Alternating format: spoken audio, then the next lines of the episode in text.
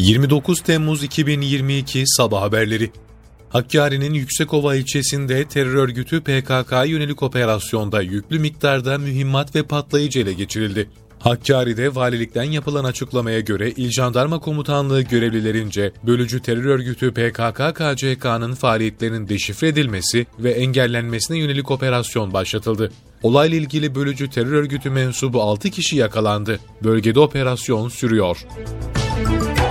Muğla'nın Marmaris ilçesinde ormanlık alanda çıkan yangın havadan ve karadan müdahaleyle kontrol altına alındı. Yangına karadan 34 arazöz, 5 dozer, su tankeri, yangın söndürme işçileri, itfaiye ekipleri, havadan da 10 helikopter, 5 uçakla müdahale edildi. Sahil güvenlik ekipleri de Marmaris Körfezi'nde hava araçlarının rahat su alabilmesi için güvenlik sağladı. Alanda soğutma çalışmaları devam ediyor.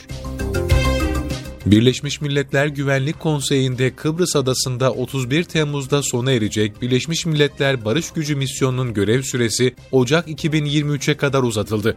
Kıbrıs Adası 1974'ten bu yana kuzeyde Türk ve güneyde Rumlar olmak üzere iki parçaya bölünmüş, 2004'te Kıbrıslı Rumlar Birleşmiş Milletler tarafından sunulan adanın iki parçasını birleştirmeye yönelik bir planı reddetmişti.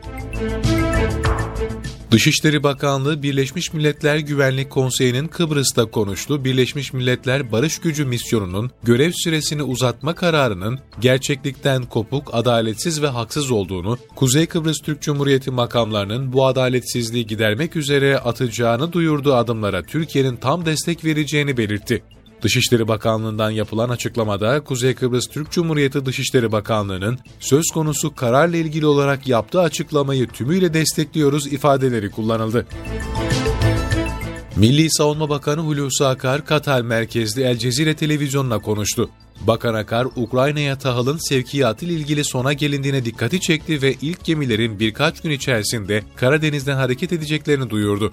Sevkiyatların 3 farklı limandan yapılacağını söyleyen Bakan Akar ayrıca bu krizin çözümünün enerji krizinin çözümü için de model olabileceğini söyledi.